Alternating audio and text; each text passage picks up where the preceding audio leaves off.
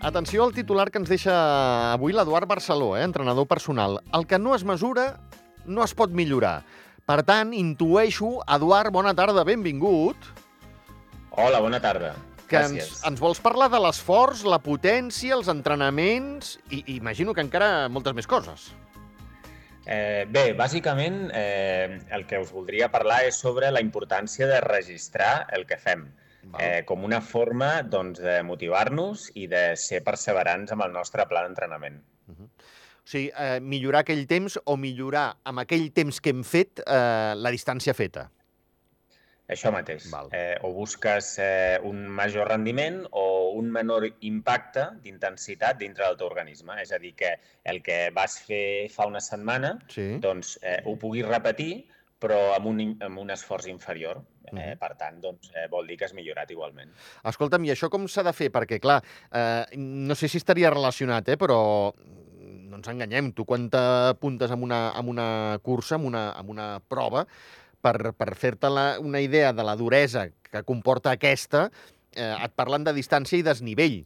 Mm, clar, a partir d'aquí mm, no sé com podem gestionar aquesta intensitat Bé, de l'entrenament. O... Sí, el, el que es tracta, sobretot, és, és eh, tenir un dispositiu que et permeti gravar cada dia el que fas Val? i que després doncs, tingui una plataforma associada amb la qual doncs, tu puguis eh, doncs, anar veient quin és el teu progrés, no? Uh -huh. eh, que puguis anar veient, doncs mira, aquesta setmana he acumulat tants quilòmetres i a més a més la velocitat mitjana del meu entrenament eh, doncs, del dilluns va ser tal, la del dimarts va ser tal altra i la del dimecres tal altra, no? sí. Llavors, d'aquesta manera, nosaltres tenim eh, una informació directa del que estem fent i, per tant, doncs, eh, ens animem, no?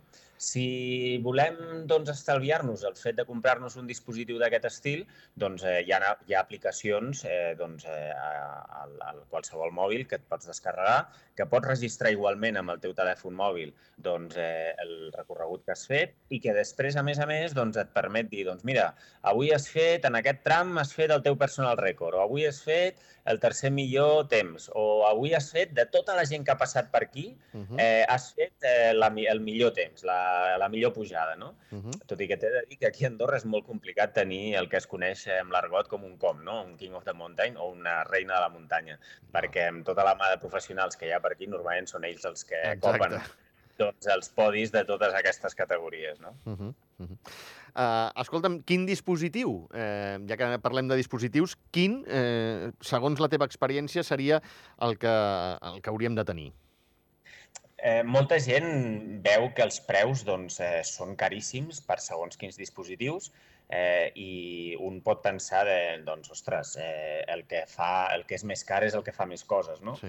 Eh, això és així, però en realitat eh, la majoria de la gent passa com amb el telèfon o com altres dispositius tecnològics eh, que la majoria de la gent acaba utilitzant el 10% de la seva capacitat senyor. real, no? Sí, senyor. Llavors, eh, jo el que aconsellaria és no buscar tant eh, un dispositiu que sigui el tope de gamma, Mm. sinó que el que buscaria és el que nosaltres ens donés servei. I llavors, eh, una bona fórmula, una bona, un bon criteri a l'hora de triar-lo eh, seria el fet de que eh, ens permetés eh, guardar i registrar les nostres, eh, els nostres entrenaments, les nostres sessions, eh, i ho permetés fer amb una aplicació doncs, que nosaltres puguem veure cada dia el que anem acumulant els, amb els entrenaments. No? Uh -huh. Si a més a més eh, estem fent activitats variades, és a dir, que no només ens agrada córrer, sinó que ens agrada també a l'hivern fer esquí a muntanya o anar a fer natació i això, aleshores doncs, intentar buscar un dispositiu que tingui suport a totes aquestes activitats no? I que ens facilitin la vida. Per posar-te un exemple, eh, hi ha un rellotge bastant bàsic de diverses marques no? Sí. que et permet doncs, registrar els entrenaments de córrer, però també et permet registrar els entrenaments de natació, per exemple, Val. i tu vas a la piscina i allò de comptar piscines, a veure quantes porto ara, Sí. porto 10, porto... Ostres, aquesta és la que fa 9 o ara faré 9? Uh, llavors, sí. en comptes d'anar comptant, doncs pots anar pensant en les teves coses i el rellotge va sumant eh, doncs, eh, els metres que vas fent, et va dient doncs, eh, les distàncies, els ritmes que vas fent i, per tant, doncs, quan acabes l'entrenament doncs, no has estat tota l'estona pensant eh, en piscines i comptant piscines, que realment és un rotllo, et pots focalitzar en la tècnica, no? per exemple. Val. O sigui, aquest dispositiu, què ens ha de mesurar? Eh, distància, desnivell, eh, duresa, intensitat, bàsicament? O, o afegiries alguna cosa més, eh, Eduard, sí, en principi, Sí, sí, en principi, eh, normalment eh, els camps habituals seria doncs, eh, quanta estona he estat corrent o quanta estona he estat fent activitat física, eh, quina distància he recorregut, eh, per tant, doncs, també és un bon paràmetre a tenir en compte. Eh, el lloc on vivim, que hi ha tant desnivell, doncs, eh, seria bo també doncs, eh, guiar-nos per la, per, per el desnivell que hem fet, perquè Val. igual si ens fixem en la distància horitzontal és bastant desmoralitzant. De vegades fas entrenaments de 10 quilòmetres que sembla que són poca cosa, però has fet 1.000 metres de desnivell. Ah, exacte, sí. També, també seria bo tenir això. I després també doncs, eh, paràmetres eh, d'intensitat com seria eh, el ritme que hem estat capaços de, de, o el ritme instantani, és a dir, la velocitat que anem en aquell moment, i després, si et mesura això, normalment també el que et fa és, et diu quin és el ritme mitjà que, eh, doncs, que has aconseguit mantenir durant tota l'activitat. No? I a part, normalment tots aquests dispositius doncs, també eh, tenen una, un, un lector de, de l'impacte intern que t'està generant, és a dir, a quines pulsacions vas. No?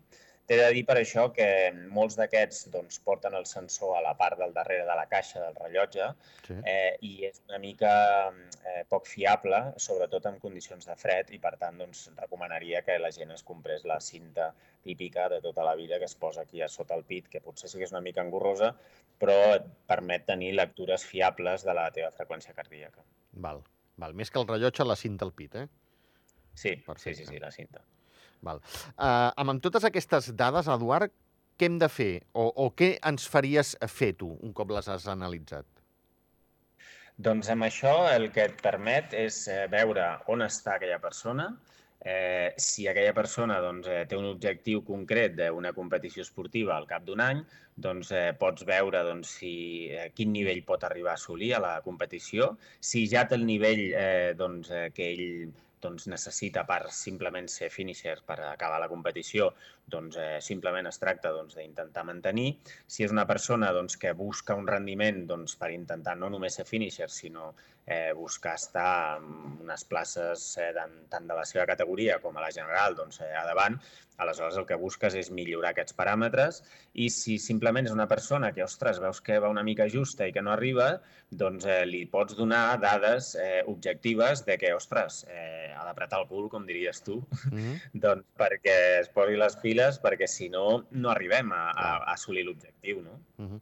Escolta'm, Eduard, eh, aquests dispositius poden arribar a mesurar, pregunto, eh, eh aspectes quantitatius i separar-los dels aspectes qualitatius? Sí, i tant. Eh, això que t'estava dient, jo, de, de la distància, eh, el, el, el volum, o sigui, tot el que són paràmetres de distància i de temps sí. eh, es, es refereix a, a, a, al volum, és a dir, a aspectes quantitatius, Eh, però després, eh, doncs, eh, tot el que serien els aspectes qualitatius es referiria doncs, a la intensitat de l'esforç que nosaltres estem fent. No? Llavors, això tant pot ser els aspectes qualitatius eh, doncs podrien ser eh, bàsicament eh, la teva freqüència cardíaca, és a dir, si un entrenament basa una freqüència cardíaca superior és un entrenament de més qualitat eh, perquè et genera un impacte superior i et fa unes adaptacions eh, al teu organisme superiors, per tant és de més qualitat i és un paràmetre que et mesura la qualitat de l'entrenament, però també això es pot fer a través del ritme, eh, també es pot fer a través de la potència, també es pot fer a través d'un paràmetre que es diu la velocitat vertical, és a dir, eh, quants metres de desnivell estic guanyant en una hora o en un minut, per exemple. Llavors, contra més metres, més impacte doncs, té eh, el nostre organisme a l'entrenament. No? Mm. Llavors, doncs, tindríem aquestes dues, eh, dues variants. No? Jo moltes vegades poso un exemple eh, per il·lustrar doncs, la importància d'aquests aspectes qualitatius eh, i és eh, relativa a que eh, els entrenaments de vegades són molt fatigants, però aquesta fatiga tant pot ser provocada eh, doncs, per eh, el volum, la quantitat, com per la qualitat. No? I l'exemple seria doncs, que potser eh, la bala no et mata eh, per la bala per si mateixa, sí. sinó que et mata per la velocitat de la bala. No? Uh -huh. Amb els entrenaments seria una mica igual. No? O sigui, tu pots fer un entrenament de llarga durada i bueno, arribar a casa bé, en bones condicions, o bé pots fer un entrenament supercurt, però com que la velocitat de la bala és molt alta, doncs aquell entrenament, si és de molta qualitat, arribes a casa que se t'ha fet molt llarg. Uh -huh. I un dispositiu d'aquest tipus que ens estàs aconsellant, Eduard, amb un entrenador personal com tu i la teva experiència, si jo et portés els meus resultats, tu em podries dir, mira, Xavi, eh, eh, aquests quilòmetres que fas, per exemple, en pla, eh, i, i ara t'ho pintaré molt, molt fàcil, ja que molta gent té la segona residència cap a Tarragona, si jo faig eh, Salou-Reus, mm, Reus-Tarragona, Tarragona-Salou una altra vegada, aproximadament faig uns 30 quilòmetres, val? Però, clar, tot això és molt pla i a sobre el tram final en baixada, eh? no ens enganyem. Eh, baixadeta. Eh, és diferent fer 10 quilòmetres aquí amb un desnivell X, el que sigui, pujar d'Andorra la Vella a, a Ordino, i, i dius, no, és que estàs més, més ben preparat eh, tu que fas Andorra la Vella a Ordino que no pas el que fa 30 quilòmetres allà a peu pla a Tarragona. No, no, no, no, no, no. Això la gent té mania, sí? eh, que realment doncs, eh, quan fas eh, més desnivell és més dur, eh, però no és ben bé així. Eh, com et deia abans, el que és més dur és eh, el que et provoca la duresa, o sigui, la intensitat de l'entrenament. Aleshores, doncs tu pots fer un entrenament superintens en pla i acabar destruït, eh, o bé pots fer un entrenament en pujada i acabar descansat, tot i que hi hagi molt desnivell. No? Uh -huh. Inclús et diré, eh, les curses que són més dures, curses de muntanya, són aquelles curses en les quals eh, hi ha menys desnivell, al contrari del que tothom pugui pensar. No? Carai, sí. Quan són curses que hi ha menys desnivell, què et permet? Eh, córrer tota l'estona no tens aquella pausa, aquell, aquella, aquella recuperació que, que, que tens quan et poses a caminar perquè la pendent és superforta i que, per tant, pots canviar eh, els grups musculars. No? Aleshores, eh, el fet de que sigui pla no indica que sigui menys dur, no? sinó que li diguin a la pobra noia aquella, bueno, pobra no, no?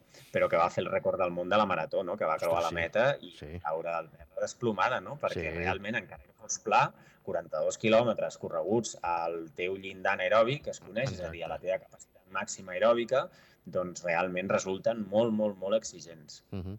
O sigui, eh, la conclusió és aquesta, eh? Jo puc fer aquests 30 quilòmetres eh, Salou, Reus, Reus, Tarragona, Tarragona, Salou, anant a, a, a tope i per dir alguna cosa, eh? fer-los amb, eh, exagero, eh? amb 15 minuts, val? Sí. i aquests 10 quilòmetres d'Andorra la Vella a Ordino, fer-los amb una hora, i, evidentment, és millor entrenament aquests 15 minuts anant a tope que no una hora per fer aquests 10 quilòmetres números rodons, no? No seria ni millor ni pitjor, eh, ah. perquè en realitat, sí. eh, per això de fet la importància de registrar les coses, no?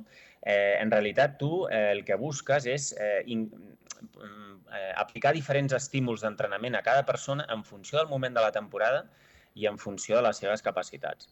Aleshores, eh, doncs, tan, bon, tan bo és un entrenament com l'altre. Si nosaltres, per exemple, en el cas de l'entrenament aquest de 30 quilòmetres eh, corrent, que m'estàs dient absolutament plans, sí. doncs eh, els apliquem eh, en el moment, doncs, eh, com a màxim, màxim, a tres setmanes vista o quatre setmanes vista d'una marató, seria un entrenament excel·lent eh, doncs, com a ritme competició per després fer la salt el dia de la marató als 42, no? per provar les sabatilles, per provar el material, per provar les, els gels, les barretes, tot el que prendrà aquell esportista durant, durant els 42. No? I a més a més, doncs, eh, donar-li confiança doncs, perquè pugui saber que aquell ritme, si aguanten els 30, doncs, ostres, eh, tinc marge per aguantar 12 més. No? Uh -huh. Aleshores, aquell entrenament és boníssim en aquestes circumstàncies, però és que l'altre entrenament, el que m'estàs dient tu, doncs seria un entrenament excel·lent també doncs en el moment en què una persona doncs, s'inicia doncs, amb el seu pla d'entrenament ara a la tardor per fer la mateixa marató que podria fer doncs, la de Barcelona a l'inici de la primavera. No? Aleshores, no hi ha ni entrenaments bons ni entrenaments dolents. De fet, és eh, l'aplicació de l'estímul el que marca si és bo o és dolent. O sigui, treure'ns també una mica del cap això de que per molt que visquem a Andorra i fem l'entrenament, evidentment, aquí a Andorra, amb el desnivell que, que tenim, que està molt clar, eh, aquelles vacilades que a vegades ens, ens, ens, fem, ens fan entre cunyats de, de dir eh, no, no, amb tu no corro, que tu estàs acostumat i allà en muntanya, escolta'm, si ho fem en pla, em matxacaràs. Bueno, pot ser que no el matxaqui, ans al contrari, pot ser que el meu cunyat em matxaqui a mi. Sí, sí, sí. Clar. Sí, a més a més és Val. que l'esport és una activitat altament eh, especialitzada. Aleshores, doncs, eh, tu pots estar molt fort eh, en una activitat i en unes condicions i una cosa que a priori sembla doncs, que s'assembli que seria doncs, el córrer per muntanya, doncs igual a la primera baixada, sobretot, que és quan penalitza més la gent que estan acostumats a córrer per pla, a la primera baixada ja no pot eh, seguir el ritme perquè peta muscularment. No? I a la inversa, la persona que està acostumada a córrer per muntanya, doncs al moment en què es van allargant els quilòmetres i la distància, doncs, ostres, li falta aquella, aquell canvi d'activitat, el fet de posar-se a caminar, eh, que fa que sigui doncs, eh, molt feixuc i que perdi el ritme i no pugui sostenir-lo tant de temps com la persona que ja està acostumada. Eduard Barceló, entrenador personal, com sempre, moltíssimes gràcies i, sobretot, eh, tots vosaltres eh, i totes vosaltres que el seguiu aquí a Ràdio Nacional, que sapigueu que podeu fer qualsevol consulta a eduardbarceló.com. Allà hi trobareu eh, aquesta distància, aquest desnivell. Allà us ho explicarà molt bé. Cliqueu al, a la pestanya del, del blog i, i, i ho trobareu. Eh, ens parla de potenciòmetre per carreres ultratrail. Ens parla també, als interessats amb el tema bici, del Training Stress Score Cor. Eh, en fi, que ho trobem tot allà. Eduard, moltíssimes gràcies. Gràcies a vosaltres. Una abraçada. Una abraçada, adeu.